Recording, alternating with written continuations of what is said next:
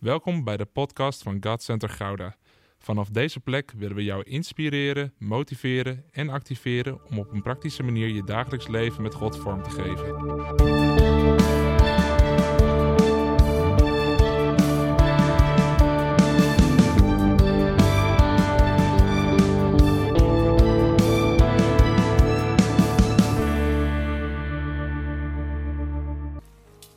Een moment bidden met elkaar voordat we het woord open doen.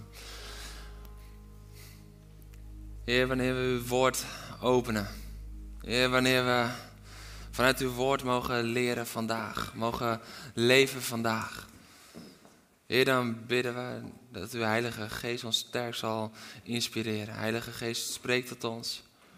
Open de harten van een ieder die hier zit, en ieder die verbonden is. Heer, dat we in openheid uw woord mogen ontvangen. Heer, dat het niet alleen tot ons, tot ons denken doordringt, maar tot ons hart zakt. En dat het uiting mag krijgen in onze wandel. Heer, in onze handel, door onze voeten en handen. Dat het ons helemaal mag vervullen. In Jezus' naam. Amen. Zo.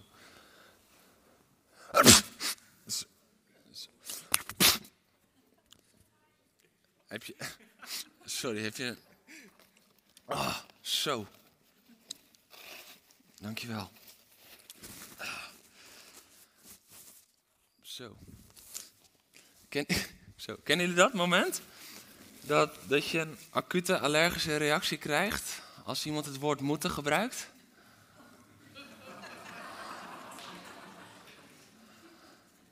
Ken je die reactie? Ik moet helemaal niks. Het is een soort allergische reactie op het woord moeten. Niemand gaat mij vertellen wat ik moet, dat bepaal ik zelf wel. De enige die zegt wat ik moet ben ik zelf en mijn, moeder, en mijn moeder. Niemand anders. En heel vaak, omdat we voelen dat, dat die spanning daar zit, gaan we er ook omheen draaien. Weet je wel? Als je eigenlijk weet van, hé, hey, dit zou je echt moeten doen, dan ga je kijk, je zou eventueel kunnen overwegen om. Zie het als een advies, hè? Je moet niks. Maar zie het als een advies. Ik bedoel het uit een goed hart.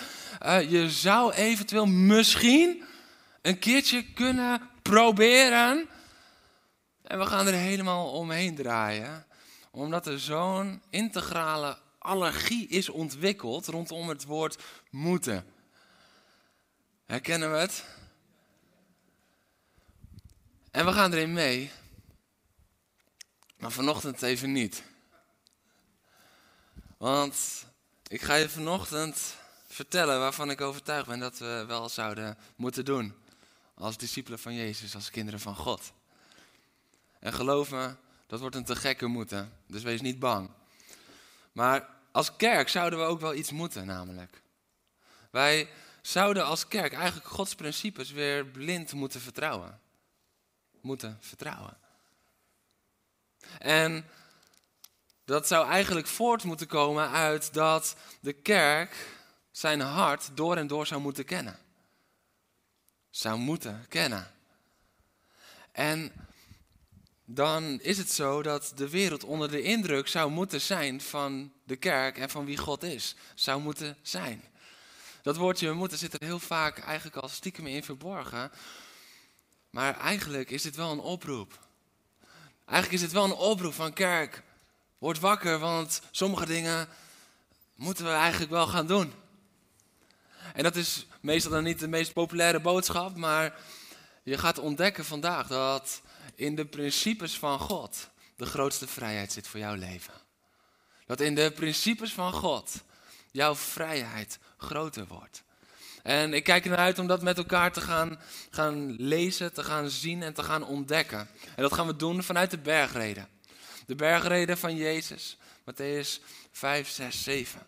En het is een toespraak van Jezus, een teaching van Jezus aan het begin van zijn bediening.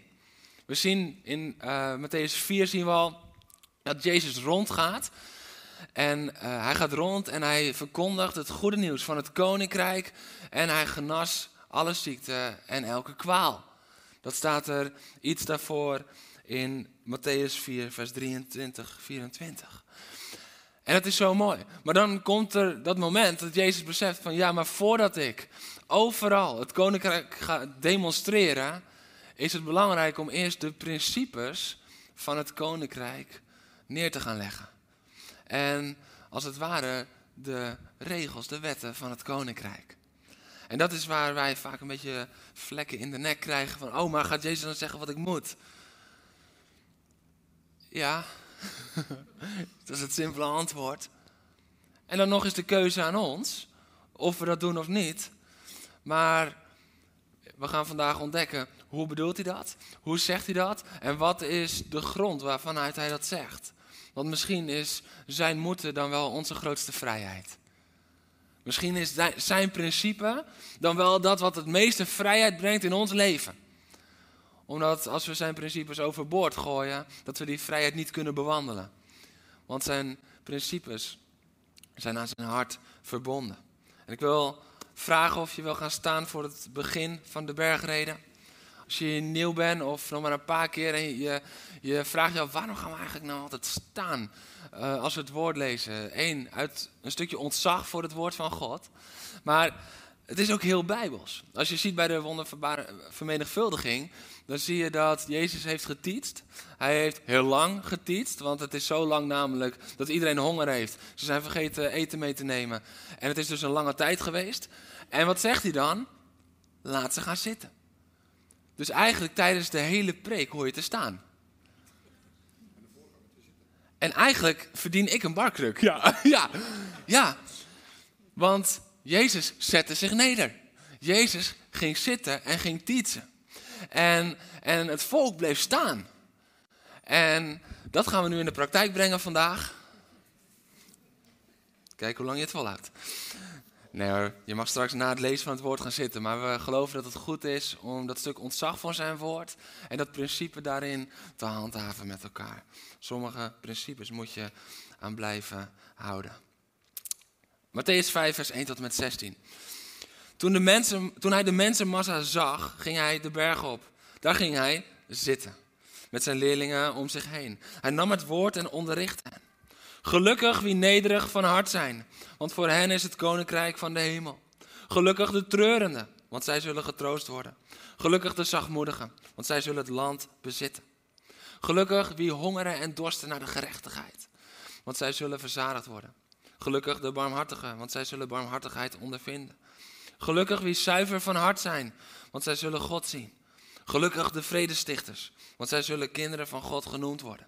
Gelukkig wie vanwege de gerechtigheid vervolgd worden, want voor hen is het koninkrijk van de hemel. Gelukkig zijn jullie wanneer, je om, wanneer ze je omwille van mij uitschelden, vervolgen en allerlei kwaad betichten. Verheug je en juich, want je zult rijkelijk worden beloond in de hemel. Heb je wel eens gejuicht over iemand die jou aanviel op je geloof?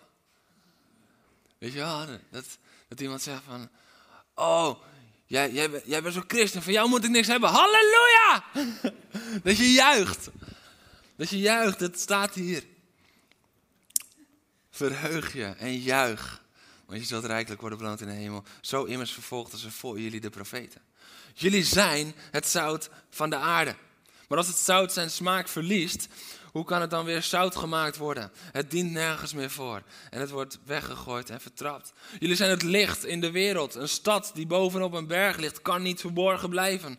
Men steekt toch ook geen lamp aan om hem vervolgens onder de korenmaat, onder de tafel in onze tijd weg te zetten. Nee, men zet hem op een standaard, zodat hij licht geeft voor een ieder die in huis is. Zo moet jullie licht schijnen voor de mensen opdat ze door jullie goede daden te zien eer bewijzen aan jullie Vader in de hemel.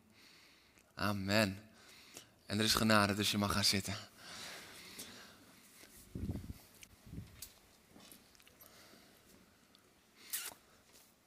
Voordat we verder gaan in de bergreden, dit was het intro van Jezus van de bergreden. Het duurt nog 2,5 hoofdstuk. We gaan de hele bergreden langs vandaag. Dus ik weet niet of je je Bijbelstudie mindset al hebt aangezet, maar klik hem aan, want we gaan hem helemaal langs. Want daar zitten zoveel prachtige principes van het hart van God in. Maar voordat we dat doen, wil ik eerst heel even uh, wat fundamenten daarover neerleggen. Want een fundament is om te weten dat we vrij zijn van de wet. Maar dat we vol zijn van zijn principes. Dat is ook de titel van vandaag. Vrij van de wet, vol van principes. Waarom? Omdat we moeten zien wat is de bron geweest van de wet. Wat is de bron van zijn principes. En wat is de bron van zijn genade? En wat is de bron van zijn redding? En wat is de bron van eeuwig leven? En dat allemaal heeft maar één bron. Liefde. Liefde. Want al zo lief had God de wereld dat hij zijn zoon gaf. Maar ook de wet werd al gegeven uit liefde. Want God kon het gewoon niet verdragen dat, dat, dat hij was losgescheurd in relatie van de mens die hij had gemaakt om in liefde mee samen te leven. Dus wat koos hij? Het was een voorafschaduwing. Het was nog niet volledig als nu Jezus is gestorven aan het kruis voor jou en voor mij, voor ons allemaal. Maar hij wist van ja, maar ik wil in relatie blijven. Dus hij koos de weg van liefde en daar hoorde de wet bij. Alleen de wet, dat kon niet volledig dat herstel bieden. Het was een tijdelijke oplossing totdat Jezus uiteindelijk zou komen. En we zien dan ook dat waar hij komt, dat hij zegt, ik heb de wet vervuld. Ik heb de wet vervuld. Jezus doet overigens nergens de wet teniet. Dat is heel duidelijk, dat is een heel groot verschil. Hij zegt, ik ben gekomen om de wet te vervullen. En nu is het oude voorbij gegaan en het nieuwe gekomen. Nu is het nieuwe verbond een feit. Maar dat zegt niks over de, uh, het doel van God met dat oude verbond. Want ook daar, in de wet, is zijn liefde te ontdekken. En nu denk je misschien van, ja Jeroen, dat is mooi dat je dat zo zegt. Maar waar, waar staat dat dan? Dat staat in Matthäus 22, vanaf vers 37. Het is ook de kerntekst van ons als gemeente. Gezondheid. Toch wat allergieën hier voor principes. Mensen durven nu niet meer te niezen. Die rennen weg. Maar wat er staat in Matthäus 22 is: heb de Heere God lief. Heb je naaste lief. Als jezelf, dus heb jezelf lief. Drie keer heb lief. Heb lief, heb lief, heb lief. Dus dat is wat Jezus zegt. Ja, dat is het grootste gebod. En daarin komt eigenlijk alles samen. Alles komt samen in drie keer heb lief. En dat getal drie, dat heeft dan ook nog eens de betekenis van volheid. Het wijst naar leven, het wijst naar eeuwig leven. Dat is de betekenis van het getal drie in de Bijbel. Dus die drie dubbele heb lief, die bron, die laat zien van dat leidt tot volheid, dat leidt tot eeuwig leven. En dan staat er ook nog eens bij, want dat is de grondslag van alles. Dat is de grondslag van alles wat er in de wet en de profeten geschreven staat. Heb lief, heb lief, heb lief. Dus de bron van liefde is de grondslag van zowel dat oude verbond als dat nieuwe verbond. En soms kunnen wij een soort splitsing maken in God die er niet is. Want dan zeggen we, ja, maar in het Oude, in het oude Testament, dat was vooral de God van gerechtigheid. En, en, en, en nu, in het Nieuwe Testament, ja, nu is die echt de God van liefde. Nou, dat is allebei 50% waar, want in het Oude Testament was hij de God van gerechtigheid en liefde. En nu in het Nieuwe Testament is hij de God van liefde en ook gerechtigheid. Dus dat is de helft van de waarheid, want God is niet te veranderen. Dat zou ook heel erg onveilig zijn voor ons, maar God was niet anders toen hij de wet gaf aan het volk in de woestijn. God was niet anders toen hij zijn zoon stuurde 2000 jaar geleden en God is niet anders nu. God is altijd hetzelfde. En dat is zo belangrijk om te beseffen, want dat betekent ook dat zijn principes vanuit zijn hart van liefde voor alle tijden zijn. Weet je, liefde was de bron waardoor hij zijn zoon stuurde. Liefde is de bron van zijn principes. Maar bij, als we het hebben over Jezus aan het kruis, dan zeggen we toch ook niet van, ja, nou ja, dat heeft hij toen gedaan, maar ja, of dat nog voor deze tijd is, dat hoor je niet. Want je weet, nee, dat heeft hij gedaan tot in eeuwigheid. En hij is altijd en altijd en altijd dezelfde. Maar toch hoor je steeds meer in de kerk, ja, de principes van, ja, maar dat is toen geschreven. En dat was een andere context en een andere cultuur. Maar als we kijken naar de bron waar vanuit het geschreven is, is het uit dezelfde liefde geschreven als de liefde die hem deed beslissen om zijn zoon naar de wereld te sturen, de liefde die Jezus bracht naar het kruis voor jou en voor mij, waardoor hij zou sterven voor jou en zou opstaan uit de dood, zodat wij gered zijn en voor eeuwig leven hebben. Dat is dezelfde bron als de bron van zijn principes. Dus misschien wordt het tijd dat we zijn principes net zo serieus gaan nemen als zijn liefde. Omdat het eigenlijk niet anders kan. Omdat eigenlijk namelijk zijn liefde en zijn principes één zijn. Alleen er heeft een omwenteling plaatsgevonden. Want in het Oude Testament moesten ze door zijn principes en zijn regels, als het ware, de weg naar God zelf bewerkstelligen. En ze moesten naar God toe daarmee. Maar dat is nu niet langer. Ze moesten als het ware zijn principes, ja, aan zijn principes voldoen om heilig genoeg te zijn om naar God toe te kunnen. Maar nu onder het nieuwe verbond zijn we in God geheiligd omdat hij naar ons toe kwam en mogen we van daaruit in zijn principes leven. En dat geeft grote, grote vrijheid. Want waarom geeft een vader principes aan zijn kind? Dat is niet om het het kind moeilijk te maken, maar dat is uit liefde. Als ik Boas, Hanna of Juda principes bijleer, dan is dat uit liefde, omdat het mijn overtuiging is dat dit het beste is voor hen. Dat het ze verder brengt. Dat het ze uiteindelijk in vrijheid zal doen opgroeien. Het principe van positieve woorden. Waarom? Omdat ik wil dat hun zelfbeeld kloppend is met het beeld dat God van hen heeft. Dat is een principe wat je bijleert. En dan kun je zeggen van, ja, moeilijk. En uh, waarom altijd die principes? Waarom die regels? Waarom mag ik niet een keer zeggen dat een ander stom is? Omdat het een principe is wat je verder gaat brengen. En dat doen we uit liefde, dat we dat geven. En zo ook God. En wij zijn dan aardse vaders en aardse moeders, aardse mensen die principes proberen bij te brengen. Maar God is zonder fouten. En vanuit zijn hart van liefde komen zijn principes voort. Dat sluit elkaar niet uit, maar dat is aan elkaar verbonden. Zijn liefde en zijn principes. Dus dat is de bron. De bron van zijn principes is altijd liefde voor jou en voor mij. Nu wil ik gaan kijken met elkaar dat fundament van de wet. We zijn vrij van de wet. We hoeven niet meer naar hem toe te werken door zijn principes. Maar we zijn zo vrijgekocht dat we in zijn principes mogen leven vanuit die relatie met hem. Vanuit dat fundament wil ik gaan kijken naar de bergreden. En daar begint Jezus dan met de zaligsprekingen. En dat is een vrij bekend gedeelte van de bergreden, zijn zaligsprekingen. En hij begint daarmee en ik was daar zo door geïnspireerd, want gelukkig zijn zij wie nederig van hart.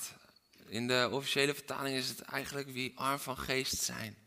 Want voor hen is het koninkrijk van de hemel. Gelukkig de treurenden, want zij zullen getroost worden. Gelukkig de zachtmoedigen, want zij zullen het land bezitten. En wat we hier eigenlijk heel erg duidelijk zien, is dat Jezus het hart van God koppelt aan zijn principes. Dat hij de principes koppelt aan de gevolgen vanuit het hart van God. En als je het hart van God echt vertrouwt, dan kan je niet om zijn principes heen. Daar ben ik achter gekomen. Als je zijn hart helemaal vertrouwt, als je zijn hart blind vertrouwt, dan kan je niet anders dan zijn principes volgen. Je kan er niet omheen. Want je ontdekt dan wat de bron is van alles wat hij ons leert. En ik, ik, ik wil je gaan laten zien hoe Jezus dit al prachtig in zijn eerste boodschap, in zijn prediking verweeft. Want hij draait het eigenlijk om. Hij draait ons gebedsleven om. En, en, is het niet zo vaak, weet je, ik hoor vaker mensen bidden van Heer, we zullen het land in bezit nemen. Heer, voor u, het land in bezit nemen. Heer, geef ons het land dat wij in bezit moeten nemen. Dat hoor ik vaker gebeden als, Heer, maak mij zachtmoedig. Herkenbaar? Is het herkenbaar? Dat dat makkelijker is om te bidden. Heer, ik wil u zien. Heer, laat mij u zien, Heer. Laat mij u zien, ik wil u voelen. Ik wil u met mijn hele hart ontmoeten. Heer, ik, ik sta nu op een kruising, ik weet niet wat ik moet doen. Heer, laat mij zien. Laat mij u zien. Laat mij u weg zien. Laat mij zien. Dat is wat we vaak bidden. Jezus zegt hier, gelukkig wie zuiver van hart zijn. Hij legt eerst een principe neer. Maar hoe vaak bidden we, Heer, zuiver mijn hart, opdat ik u weer kan zien in de weg die ik moet gaan. Heer, zuiver mijn hart. Alles wat niet van u is. Alles wat ik heb binnengelaten. Alle, alles wat een, meer een egogelie is als het evangelie. Heer, strip het weg. Strip het weg, want het gaat niet om mij. En dit is wat hij doet. Let op, hij doet het bij alle zalensprekingen. Wij bidden vaak, wij willen het koninkrijk. Want voor hen is het koninkrijk van de hemel. Maar hij zegt, gelukkig wie nederig van geest is. Wie nederig van hart is, arm van geest. Wees arm van geest, dat is het principe dat hij hier al neerlegt. Hij begint gelijk, boem, principe. Arm van geest. En ik was daarover aan het studeren, want er is veel uitleg over. En dat stukje arm, dat betekent ook echt letterlijk uh, gebrek aan, uh, ook aan materiële dingen. Dus het is niet alleen dat geestelijke, maar dat je daarin gebrek hebt. En um, dit, is een hele mooie uitleg erover. Ik lees hem even voor. Armoede van geest is als zodanig niet tegengesteld aan bezit, maar wel aan het gehecht zijn daaraan. Dus arm zijn van geest betekent niet dat je niks mag hebben, maar dat je er niet aan moet hechten. Arm zijn van geest betekent niet dat als je een mooie auto hebt gekocht, dat je zondig bent. Maar arm zijn van geest betekent wel dat als God je roept om die auto weg te geven, dat je er zo van onthecht moet blijven, dat je dat vol vreugde doet. Vol vreugde. En niet met een gezicht van een doordropen postzegel. Nou heer, het is dat u het van me vraagt. Maar vol vreugde. Want dit is wat God van mij vraagt. Dat is dat je onthecht blijft. En, en dat is zo'n mooi principe. Want zij zullen getroost worden. Wij bidden vaak om troost. We verlangen naar troost. Maar durven we ook echt te treuren? Durven dat te laten zien? Durven we te, te treuren om dingen? Durven te huilen om zaken? We willen het land in bezit nemen, ik noemde hem al even, maar wees zachtmoedig. Weet je waarom God dit zegt? Omdat hij weet dat als wij geen zachtmoedig hart hebben, dan zijn we nog helemaal niet klaar om dat land in bezit te nemen. Want dan zullen we autoriteit krijgen waar ons hart nog niet klaar voor is. Dus zijn principes gaan altijd vooraf aan de zegen. En dat is niet omdat we door zijn principes de zegen moeten verdienen. Dat is dan vaak wat we roepen, weet je wel, van, uit onze angst voor de wet. Ja, zie je wel, nou is die Jeroen toch weer aan het prediken dat we het zelf moeten verdienen. Nee. Ja, maar dat zeg ik helemaal niet. Maar het is Gods liefde die weet dat wij een zachtmoedig hart nodig hebben om dat land dat we zo graag in bezit willen nemen, ook te kunnen besturen. Want als we dat land in bezit nemen en ons hart is nog niet goed, dan gaat het schade leiden aan alle kanten. Schade leiden aan God, zijn koninkrijk, love God. Schade leiden aan anderen, love people. En schade leiden aan jezelf, love yourself. hey, nou zijn we weer terug bij Matthäus 22. Heb de Heere God lief en uw naast als uzelf. Het gaat drievoudig schade leiden als wij de zegen ontvangen voordat we ons hart daar klaar voor is. Als wij zegen willen pakken en ons willen toe-eigenen voordat we zijn principes in de praktijk brengen. Dat is niet van oké, je moet het verdienen om. Nee, dat is God die je klaarmaakt voor. En dat is liefde. Dat heet liefde. Wij willen barmhartigheid ontvangen. En hij zegt, wees dan ook barmhartig. Barmhartig betekent genadevol, liefdevol. Vergeef. Weet je, de, de, de kerk van Jezus zou, zou gewoon op exploderen moeten staan van vergeving en genade, wist je dat? Dat als iemand jou wat aandoet, dat als iemand jou, weet je wel, soms heb je zo, dat, dat, dat je zo'n ballon prikt en dan bam! Dat, dat als iemand jou prikt en jou pijn doet, dat er bam! Genade komt. Dat er gewoon een explosie van genade is. Dat, dat, dat mensen denken, hoe dan? Ja, dat is niet mijn eigen kracht. Dat is niet mijn, mezelf. Maar God in mij. Maar die genade van God. Weet je, want ik had ook net zo hard genade nodig. Iedereen die hier zit, had de genade even hard nodig. En vaak zijn we menselijk gezien zijn we een beetje geneigd om dan te kijken van... Ja, maar hij heeft dat gedaan en ik viel best wel mee. Maar het feit dat je de genade nodig had, betekent dat je het net zo hard nodig had. Want genade bracht je over van duister naar licht. Genade bracht je over van dood naar leven. Genade bracht je over naar hopeloos naar hoop. Dus dat is wat genade doet. We hadden het allemaal even hard nodig, barmhartigheid. Wij willen God zien. Maar hij zegt dan wees zuiver van hart, want anders, anders kan je dat niet eens aan. We willen gezien worden als Gods kind. Wees een vredestichter. Dit is ook een mooie.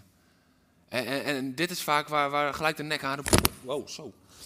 Zo. De nekharen overeind gingen. En nog veel meer. dit is vaak waar de nekharen van overeind gaan. Wat? Want zij zullen Gods kinderen genoemd worden. Zie je wel? Dus dan moet ik toch weer verdienen om Gods kind genoemd te worden. Nee, God heeft jou al lang zijn kind genoemd.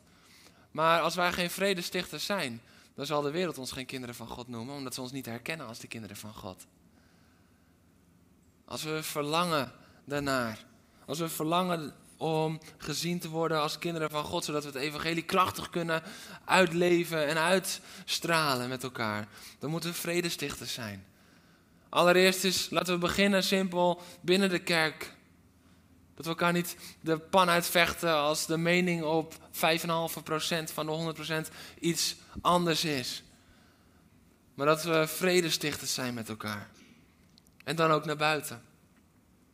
En we willen het koninkrijk, maar aanvaarden we dan ook het principe van vervolging, dat er ook bij kan horen.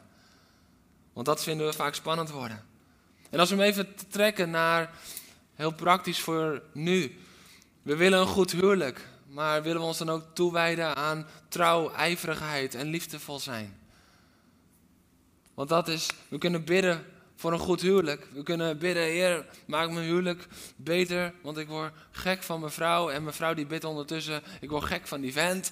En, en Heer, verander hem, verander haar. En we, we bidden verandering over elkaar uit, maar we zijn niet bereid om zelf te veranderen. En Jezus zegt, nee, maar er is een zegen voor jullie huwelijk weggelegd. Vanuit de principes die ik in liefde heb gegeven. Wees ijverig om te werken aan je huwelijk. Wees trouw. En trouw betekent meer dan alleen niet je hechten aan een ander, maar ook niet eens kijken naar een ander. Wees trouw, wees liefdevol naar elkaar, ook als je elkaar even niet begrijpt. We willen graag een bediening. Wees toegewijd, dienend en nederig. Wat? Moet ik mijn bediening dan toch weer verdienen? Nee, nog steeds niet. Maar anders zou je het dan ondergaan aan je bediening omdat je hart er niet klaar voor is. Het is liefde van God. Dat hij eerst zijn principes geeft. Zoals Jezus dacht, oh, eh, mijn bediening gaat exploderen. En overal ga ik het koninkrijk demonstreren. Beter ga ik ze nu eerst de principes leren. Beter ga ik ze het nu eerst leren. Want dat is nodig om uiteindelijk, boom, tot uiting te kunnen komen. Wat er voor zegen allemaal zit. Daar gaan we straks op komen. Weet je, en de bergreden was dan één toespraak. Eén toespraak. Dus wij hebben kopjes gemaakt, hoofdstukken gemaakt en, uh, en onderbrekingen gemaakt. Maar het is één toespraak. En Jezus gaat dan gelijk door. Want Jezus gaat dan gelijk door. En dan is het niet zo van: oké, jongens, hier hebben jullie een zooi principes. En dat is bijna onmogelijk om te doen. Succes ermee. Wij trekken verder. Nee, hij zegt dan ook wat we al zijn. Want hij zegt dan: jullie zijn het zout van de aarde en jullie zijn het licht in de wereld. En dat ontkracht ook gelijk elke angst van: oh, kom ik nou weer onder een wet? Nee, want ik spreek jullie aan in jullie identiteit. Jullie zijn het. Er staat daar dan niet. En als je dit allemaal goed doet, dan zal je zijn als zout ter aarde, dan zal je zijn als licht der wereld. Dat staat er niet. Er staat gewoon gelijk achter: jullie zijn het zout, jullie zijn het licht. En dat is onze zekerheid. Dus we hoeven daar niet bang voor te zijn dat die wet terugkomt, maar we moeten gaan zien waar die principes vandaan komen. En dan is het belangrijk om te zien, wat betekent dat zout, wat betekent dat licht? Weet je, zout zorgt voor houdbaarheid. Zout zorgt dat bederf tegen wordt gegaan. En dat is de rol van de kerk hier op aarde. Het brengen van eeuwig leven. Zout staat in het woord ook altijd voor het eeuwige leven. Dus het wijst ook naar Jezus. En we mogen ons bekleden met Jezus. We moeten zijn als het zout. En het zout brengen hier op aarde. En dan staat er ook van ja, als zout zijn smaak verliest, hoe kan het dan weer zout gemaakt worden? Het dient nergens meer toe. Dus als we dat verliezen, dan zal de wereld ons niet meer herkennen als kinderen van God. En hoe kunnen we de wereld bereiken als we niet meer herkend worden als kinderen van God? Dus deze hele, deze hele boodschap van Jezus, het is verweven met elkaar. Het zijn geen losstaande stukken. Dus zout, we mogen weten dat we bekleed zijn met Jezus en het licht. Dat is het verdrijver van de duisternis. En aan de ene kant is dat Jezus het licht van de wereld. Maar aan de andere kant laat het ook zien, dat was een lamp, dat waren olielampen. En die olie die wijst altijd naar de Heilige Geest. Altijd naar de Heilige Geest. En de Heilige Geest zorgt dat we hier een licht kunnen zijn op de wereld. De Heilige Geest zorgt ervoor dat we het niet uit eigen kracht hoeven te doen, want dat kunnen we niet. Maar dat we het uit zijn kracht mogen doen. Hij laat dat zien. Dus we zien hier ook al de samenwerking tussen Jezus en de Geest. Tussen het woord en geest. Jezus weet precies hoe hij het moet prediken. En hoe hij het moet laten zien. En hoe hij moet laten zien van, en dit ben jij. Want de geest leeft in jou. En je bent bekleed met mij. Wie, wie houdt er van de Olympische Spelen? Wie, wie kijkt het de afgelopen weken? Zo, dat zijn er weinig. Ik ga me bijna schuldig voelen dat ik het wel kijk. De 9 uur groep die, uh, keek het uh, bijna integraal. Um, maar weet je wat ik sport zo mooi vind? Het verhaal erachter. Laten we heel eerlijk zijn. Dit, dit zijn punten, want jullie kijken het allemaal niet. Maar uh, 10 kilometer lang naar mensen kijken die rondjes, steeds hetzelfde rondje, schaatsen, is niet per definitie heel inspirerend. Want het is de hele tijd hetzelfde. En dan zit je dan 12 minuten naar te kijken. 10 keer of 5 keer, hoeveel ritten er zijn. Maar wat mij altijd zo raakt, is het verhaal achter een sporter. Een verhaal achter een overwinning of achter een verlies. En ik, ik luister dus dan graag naar een podcast over sporters en dan gaat het vooral over hun leven. En op een gegeven moment was er één uh, en toen werd hem gevraagd, wat neem je mee naar de Olympische Spelen? Wat zit er in jouw koffer? En dat was denk ik een beetje bedoeld als van, hey, zo leren we jou wat beter kennen. toen zei hij, ja, eigenlijk niks van mezelf. Hij zei, telefoon kan je tegenwoordig al niet meer meenemen. Want dat mocht niet vanwege spionageveiligheid en alles. Naar. Dus die kon hij niet meenemen. En hij zegt, ja en verder krijgen wij een kledingpakket van Team NL. En wij mogen niet anders dan dat dragen. We mogen niet anders in beeld komen. We mogen niet anders in onze vrije tijd. Zodra we dat vliegtuig instappen en daar landen, dan vertegenwoordigen wij Team NL. En kunnen we niet anders dan dat dragen. En dat vond ik zo mooi. Want toen dacht ik, ja, maar dit is precies hoe God ons heeft bedoeld. Wij zijn de vertegenwoordigers, wij zijn het zout en het licht. Wij zijn de vertegenwoordigers van zijn koninkrijk hier op aarde. En toen we hier landen, en zie die landing als op het moment dat je je hart aan Jezus gaf, toen je daar landde, toen kreeg je een kledingpakket. Toen werd je bekleed met Jezus en met de geest. En ben je bestemd om nooit meer anders in beeld te komen. Maar dan moeten we niet onder tafel gaan zitten. Zoals die lamp onder tafel werd gezet. Dan moeten we niet als zout onze smaak verliezen. Want dan zijn we onherkenbaar geworden. Maar wij zijn Team Jesus. Er was Team NL op de Olympische Spelen. Nou, dat is nu ongeveer bijna aan de afsluiting toe. Maar Team Jesus gaat altijd door. En wij zijn Team Jesus. Maar bekleden we ons elke dag continu met Hem. Met de kracht van zijn geest. Met het licht. Met het zout. Want dat is waartoe we geroepen zijn. Team Jesus. Deze week hashtag Team Jesus. Nice. Ik zei het net al even, de bergreden was één toespraak en Jezus gaat dan gelijk verder. Dit wordt een korte samenvatting van de rest van de bergreden. Dus let op. Hij gaat allemaal principes leren. Want, en dat doet hij eerst aan de hand van, hé, hey, er is altijd tegen jullie gezegd, maar ik zeg jullie nu. Dat is eerst even de wisselwerking.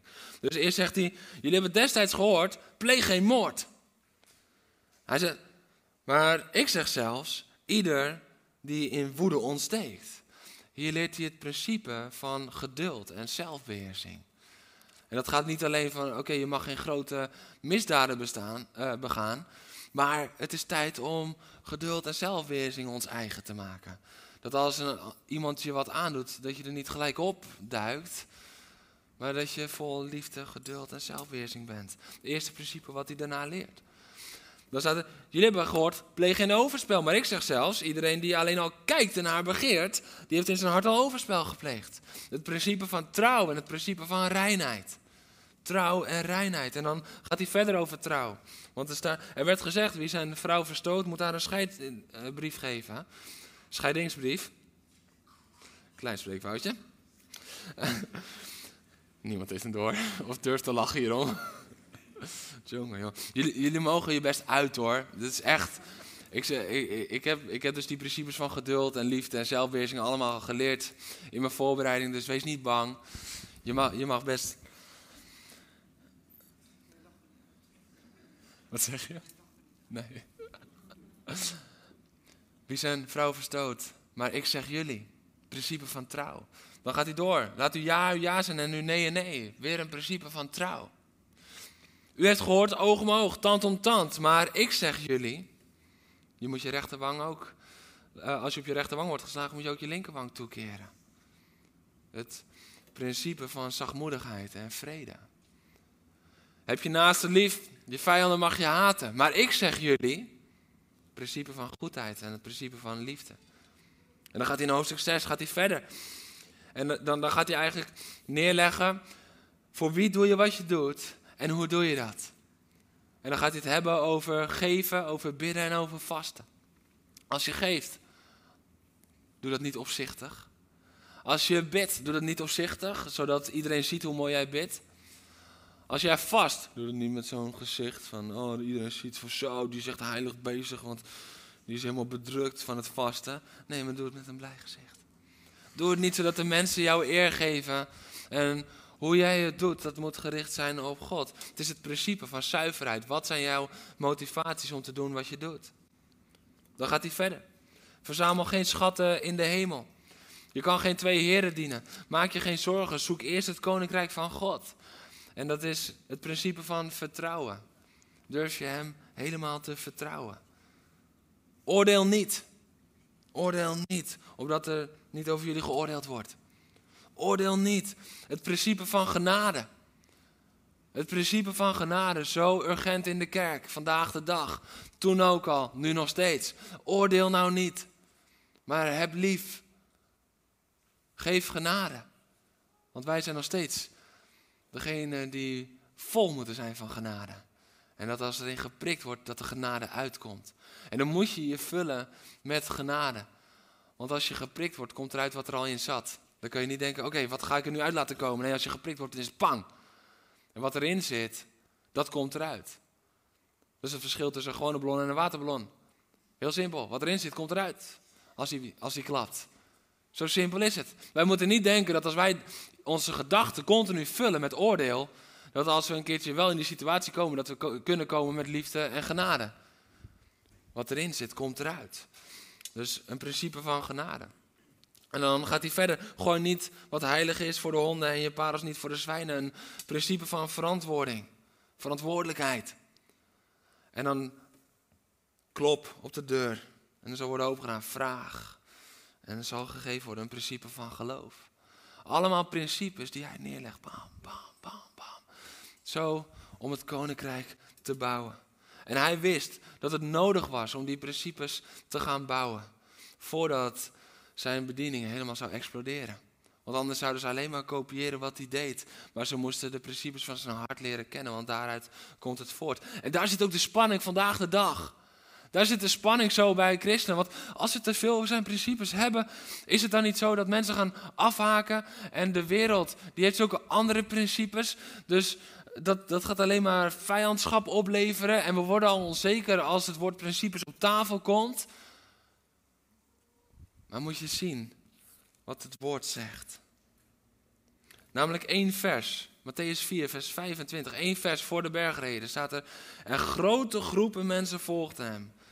Grote groepen mensen volgden hem. Matthäus 4, vers 25.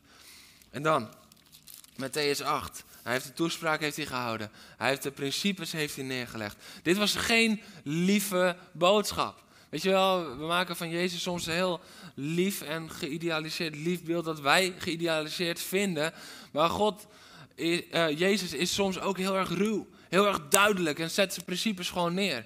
Niet omdat hij dat niet uit liefde doet, maar omdat hij weet dat het nodig is. Omdat hij weet dat dat uiteindelijk voor ons het beste is. En dan legt hij het duidelijk neer. Dit was een hele duidelijke boodschap. Ja, er is je altijd geleerd, maar ik zeg, we gaan verder. Er is jou dit gezegd, maar ik zeg, dat is niet genoeg, we gaan verder.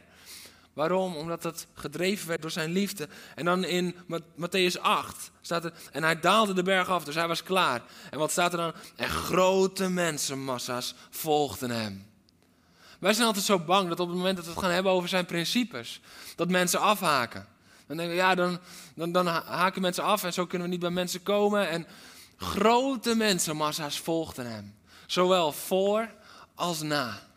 Zowel voordat hij begon te spreken als daarna. Er waren geen mensen die daarop afhaakten. Mensen haken niet af op de principes van God. Mensen haken af op de principes van God, die worden genomen door mensen, tot wet worden gemaakt voor mensen. En die niks meer te maken hebben met de bron vanuit liefde waartoe ze gezonden zijn. Daar haken mensen op af. Maar niet op de principes van God. Want de principes van God en de liefde van God zijn met elkaar één. We hebben het net gezien. De wet werd gegeven. De principes van God worden gegeven. Jezus werd gestuurd vanuit één bron. Liefde.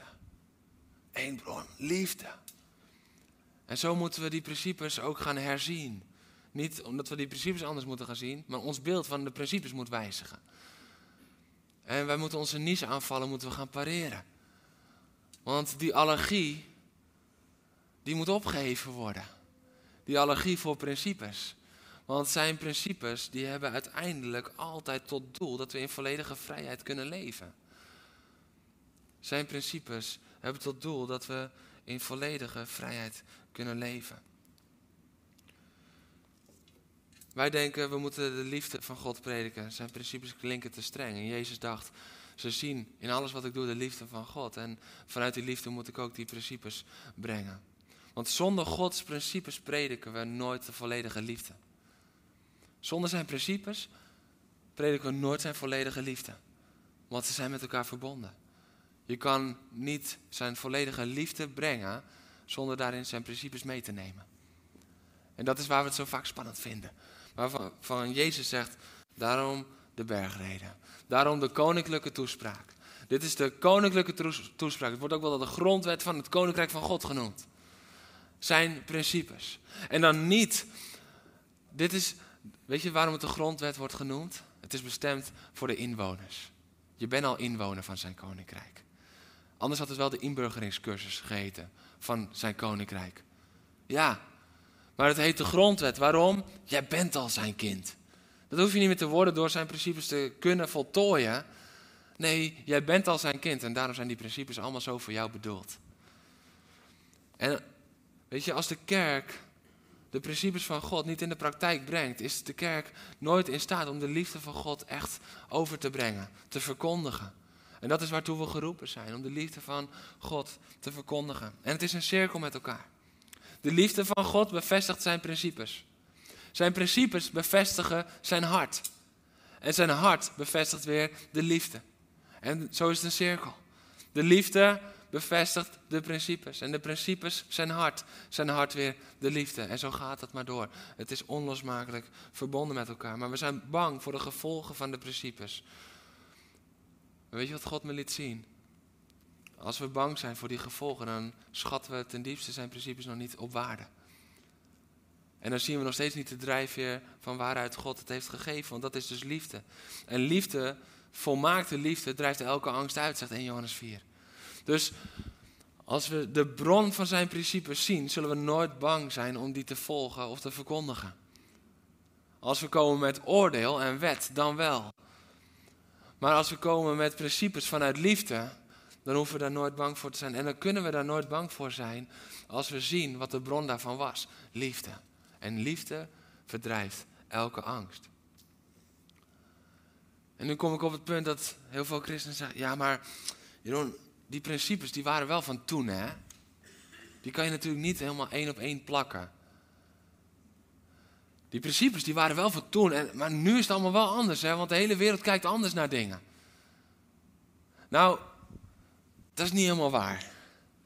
Want in de tijd dat Jezus kwam, dacht de wereld net zo anders over de principes die Jezus neerlegde, als dat de wereld nu anders denkt over de principes die Jezus toen heeft neergelegd. De wereld denkt nog steeds net zo anders. Helemaal anders. En weet je wat het verschil is? Jezus werd niet eens alleen van buiten daarop aangevallen, maar alles wat binnen de tempel en de synagoges viel hem ook erop aan. Dus denk niet dat, dat toen die principes heel gangbaar waren en dat dat nu lastig is. Weet je wat de kracht van zijn principes is? Dat het door elke tijd heen verandering brengt.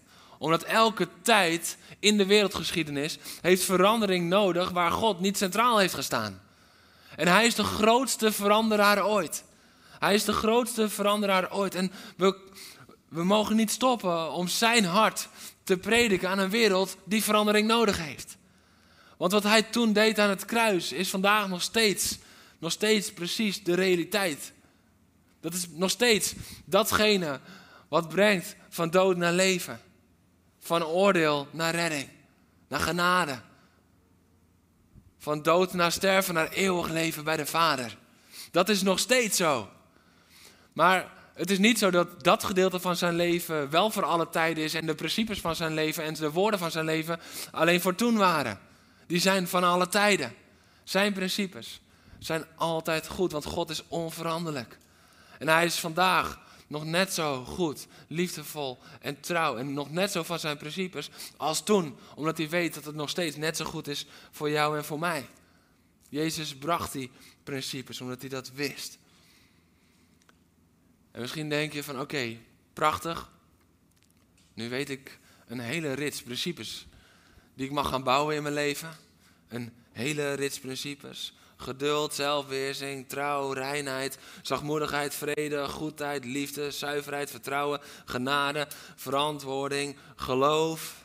En dan hebben we het nog niet eens over de zalensprekingen, die principes die we daarvoor hebben gedaan. Hoe dan? Want het kan ook wel even ontmoedigend werken. Dat je denkt, ah, ik heb nog een hele lange weg te gaan. Hoe ga ik dit doen? Want dit kan ik helemaal niet. Ik vragen of de band alvast naar voren komt. Maar ik wil je even mee terugnemen naar het zout en naar de olielamp. Jouw identiteit, jouw nieuwe identiteit ligt dus al verzekerd in dat zout. En jouw nieuwe kracht ligt al verzekerd in die olielamp. Ik liet al zien, dat is, staat voor de Heilige Geest. En ik was er zo over aan het bidden. Heer, u moet ook sleutels geven. U moet niet alleen principes geven en, en nu mag je. Nee, u, we hebben uw sleutels nodig. Want door uw sleutels kunnen we dit in de praktijk gaan brengen. En toen werd ik in één keer gegrepen doordat God zei van focus meer op de Heilige Geest. En toen was ik bezig met de Heilige Geest, die, die olie in de lamp. En toen in één keer kwam dat, gelaten vijf, de vrucht van de Geest. De vrucht van de Geest is zo nauw verbonden aan de principes van Jezus hart. De vrucht van de geest is nauw verbonden aan de principes van Jezus hart. En moet, moet, moet je opletten wat er dan ook gebeurt. Want in dat hele stuk, pleeg geen, maar ik zeg u, pleeg geen, maar ik zeg u.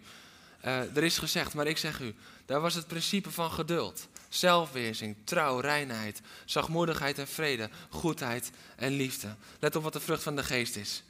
De vrucht van de geest is liefde, vreugde, vrede, geduld, vriendelijkheid, goedheid, geloof, zachtmoedigheid en zelfweerzing.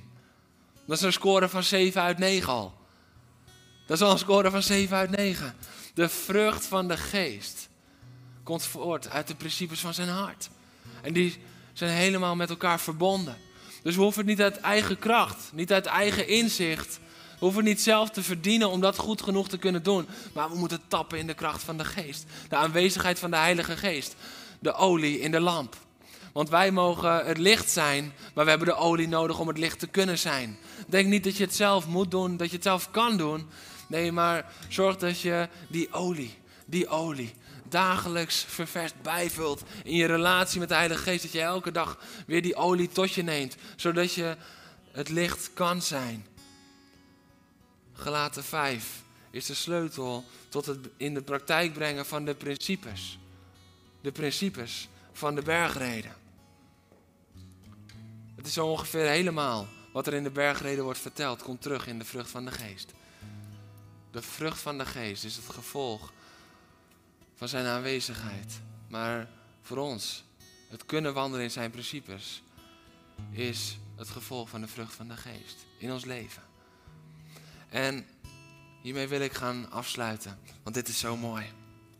Ik ga er nog even de tijd voor nemen.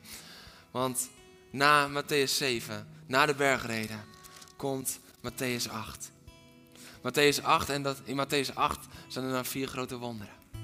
Vier grote wonderen die Jezus doet. En het eerste is herstel van melaatsheid. Gelijk, mensenmassas volgden hem en hij herstelt een melaatse. Wat staat voor onrein? Melaats was onrein en hij herstelt gelijk. En dan het volgende is dat er een centurio kwam en hij smeekt om hulp. En hij herstelt van verlamming van de knecht. Verlamming en pijn. Verlamming en pijn wordt genezen. Dan het genezen van de koorts van de schoonmoeder van Petrus. De ziekte van Petrus' schoonmoeder. En dan eh, vervolgens zien we dat er twee totaal bezeten mannen bij hem komen. En hij bevrijdt ze in één klap. Hij bevrijdt ze in één... Dit is het gevolg van het leven in de principes. Eerst brengt hij de principes en dan laat hij zien en bam. Daarna is een explosie als het ware van autoriteit. Daarna is er een explosie van effectiviteit voor het koninkrijk. Daarna is er een explosie in, in kracht. En ik dacht, Heer, wat wilt u hiermee zeggen? Want dit is niet voor niets dat dit zo achter elkaar staat. Het is niet voor niets dat dit zo achter elkaar staat. En toen werd ik gisteravond. Ik dacht weer eens dat mijn preek klaar was, maar dat was hij nog niet. Werd ik geleid naar Lucas 4. Lucas 4. Waar staat waartoe Jezus gezonden is.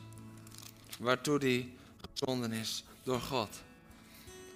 Daar zegt hij: De geest van de Heer rust op mij, want hij heeft mij gezalfd om aan armen het goede nieuws te brengen heeft hij mij gezonden. Om aan gevangenen hun vrijlating bekend te maken. Om aan blinden het herstel te geven in hun zicht. En de verdrukten hun vrijheid terug te geven.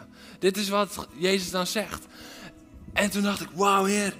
Dit is, de, dit is zeg maar de praktijk van Matthäus 8.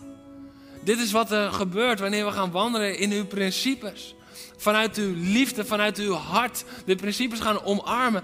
En, en we roepen zo vaak, zoals de Vader mij gezond heeft, zo zend ik ook jullie. Oh Heer, dat wil ik. Dat wil ik.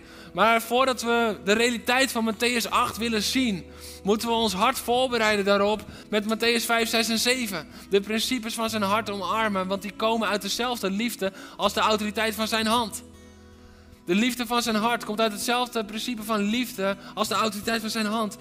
En toen viel alles in één voor me. Om aan armen het goede nieuws te brengen, heeft hij mij gezonden. Weet je, die, die melaatsen die raakten hun baan kwijt. Die werden, werden op afstand gezet. Die moesten buiten, buiten de stad moesten ze gaan leven. In armoede, in ellende. Maar om armen het goede nieuws te brengen, werd hij gezonden. Worden jij en ik gezonden als we gaan leven vanuit die principes. Om aan gevangenen hun vrijlating bekend te maken verlamming werd opgeheven. Hij was gevangen op zijn bed. Hij was gevangen en hij had pijn daarvan. Het was meer dan alleen een, stukje even iets niet kunnen. Nee, het was een verlamming. En de centurio die komt er helemaal voor naar Jezus. En Jezus spreekt en hij geneest op dat moment. Om gevangenen hun vrijlating bekend te maken. Zoveel mensen zijn gevangen op de plek waar ze zitten. Zoveel mensen zijn gevangen in het zelfbeeld dat ze hebben. Zoveel mensen zijn gevangen in de ellende die ze zo overkomen. Zoveel mensen zijn gevangen. Misschien wel onder, in de onderdrukking van mensen die, op ze, die, die ze op ze hebben. Zoveel mensen zitten gevangen, maar wij zijn geroepen om vrijlating bekend te maken. Wij zijn geroepen om vrij te maken, om daar herstel te brengen. Maar we kunnen niet dat doen zonder de principes vanuit liefde toe te gaan passen. De genezing van ziekte, en aan blinden werd zicht gegeven, herstel van zicht. Zo ook voor de schoonmoeder van, Je uh, van Petrus, die nergens bij kon zijn. Die zag alleen maar de binnenkant van de slaapkamer, want ze had koorts. Het is een beetje een soort isolatie in deze tijd. En als je er dan weer uitkomt, dan zie je de wereld weer openbloeien. Dan zie je, oh, het is verder als deze vier muren alleen. Herstel van zicht te geven. En om de onderdrukte hun vrijheid te geven. Deze twee mannen die waren zo knijter bezeten.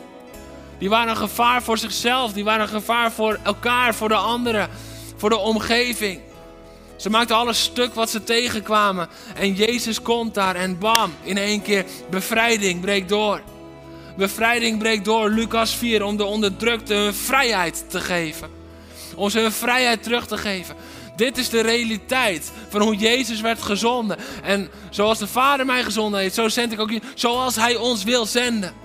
Maar voordat Matthäus 8 kwam, kwam de teaching van Matthäus 5 tot en met 7. Voordat Hij de autoriteit gaf, kwam de teaching van het hart van liefde dat we nodig hebben. De bron van zijn principes is zijn liefde. En dan is. Dan, dan, dan is. Oh, sorry, ik ben erg enthousiast. Ik ga er bijna van stotteren, jongens. Deze openbaring kwam tijdens de eerste dienst. Want dan vat hij alles daarin samen. Weet je, waar wij nog steeds kunnen denken van ja, maar die principes gaat dat dan niet vrijheid inperken? Gaat, gaan principes, zijn dat dan niet nieuwe regels en gaat dat dan niet vrijheid een beetje weer inperken? Maar dat is een verdrongen beeld van vrijheid. Weet je, wat als vrijheid niet gaat over het ontbreken van principes, maar de aanwezigheid van redding, liefde, acceptatie en eeuwig leven, de aanwezigheid van Jezus Christus. Wat als dat de ware vrijheid is? En zo vat hij het ook samen dan in het laatste vers wat ik wil lezen uit Lucas 4. Want dan heeft hij dus armen het goede nieuws verteld, gevangenen vrijgemaakt, blinden het zicht hersteld en onderdrukte hun vrijheid gegeven. En dan staat er, en om het genadejaar van de Heer uit te roepen. Dit is volledig wat eruit komt. Na Matthäus 5 tot en met 7 waren de discipelen, was de mensenmassa was klaar om het genadejaar uit te gaan roepen. Omdat ze hadden ontdekt, oh, in die principes ligt niet een nieuwe beperking, maar eeuwig leven en vrijheid. Eeuwige bevrijding. Zijn principes bevrijden jou. Zijn principes bevrijden jou. Dit zijn de principes van het hart van God, vanuit de liefde van God. Die geven je de ultieme vrijheid. Dat is niet meer een wet van, oh je mag niet of je, je mag dat niet. Of, nee, weet je wat, ik ben zo vrij, ik heb het niet nodig. Halleluja. Oh, dus jij, jij, jij, jij mag dan geen seks? Nee, weet je wat het is? Ik heb het niet nodig om mijn zelfbeeld te bouwen in iets wat mijn zelfbeeld uiteindelijk naar beneden zal halen. Maar ik weet wie ik ben en God, ik heb het niet nodig. Want zijn principes van liefde, die hebben mij gebouwd. Zijn principes, die maken je klaar om uit te kunnen gaan zoals hij uitging. We moeten het niet overslaan. Matthäus 8 komt na Matthäus 5 tot en met 7. Zijn principes staan voorop. Niet om weer terug onder de wet te komen, vrij van de wet, maar vol van zijn principes. Want zijn principes, de drijfveer is liefde. Een vader die wil dat zijn kinderen opbloeien. Een vader die wil dat zijn kinderen tot hun bestemming komen. Want dat is zijn hart voor jou. Daarom heeft hij zijn principes aan jou gegeven. Omdat jij het waard bent. Wat als we, als we het eens zo bekijken. Wauw, ik ben zijn principes waard. Ik ben het waard. Zijn principes. Zijn liefde. Zijn, zijn, zijn, zijn genade. Ik ben het waard. En dan ben ik geroepen om dat genadejaar van de Heer uit te roepen. Het is tijd dat de kerk weer een genadejaar van de Heer gaat uitroepen. Maar dat kan pas als we de principes pakken voor ons eigen leven. Want dan voelen we ons vrij genoeg. En dat is eentje die we binnenkort gaan doen. Cultuur van vrijmoedigheid. Maar dan voelen we ons vrij genoeg om dat genadejaar uit te gaan roepen overal waar we komen. Zoals de Vader mij gezonden heeft, zo zend ik ook jullie. Laten we gaan staan met elkaar.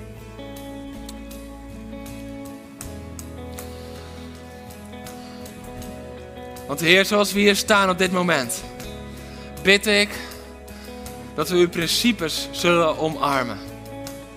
Heer, dat we een, ons denken vernieuwd mag worden, Romeinen 12. Heer, door de openbaring van uw woord. Heer, en dat we niet naar uw principes kijken naar als iets belemmerends of iets moeilijks of iets, iets wat ten koste gaat van vrijheid van ons. Maar Heer, dat uw principes zijn gegeven om ons vrijheid te geven. Heer, en om ons veiligheid te geven. Heer, om ons redding te geven. Heer, en laat ons stappen in die principes. Heer, zodat we vanuit die principes ook duidelijk het woord bekend mogen maken. Het jubeljaar bekend mogen maken. Heer, ik bid dat we als kerk mogen opstaan in het bekendmaken van uw jubeljaar. Heer, dat we Matthäus 8 in de praktijk mogen brengen met elkaar. Omdat het gaat vanuit het hart van Matthäus 5 tot en met 7. Heer, bereid ons hart voor op de zegen die u wilt geven. Heer, bereid het voor met uw principes, zodat ons hart er klaar voor is. Zodat ons hart klaar is voor de zegen om daarin te leven en om het door te geven. Heer, want als, als ons hart niet klaar is, zullen we in de zegen leven, maar het niet doorgeven. Maar Heer, als we in uw principes wandelen, dan zullen we niet alleen erin leven, maar alleen maar gericht zijn op het doorgeven. Het doorgeven, het doorgeven, het doorgeven van uw liefde, van uw zegen, van uw principes, van alles wat er in u verscholen ligt. Heer, dank u wel voor wie u bent. Dank u wel dat alles op uw liefde gestoeld is. Dat daar de wet in samenkwam, dat daar uw principes uit samenkomen en dat daar onze redding vanuit is samengekomen. Heer, alles is gestoeld op uw liefde. Halleluja. In Jezus' naam. Amen. Bedankt voor het luisteren naar deze podcast. Volg ons op onze kanalen om verbonden te blijven. Heeft deze aflevering jou geraakt? Deel dan op je socials en tag ons, zodat we samen meer mensen kunnen bereiken.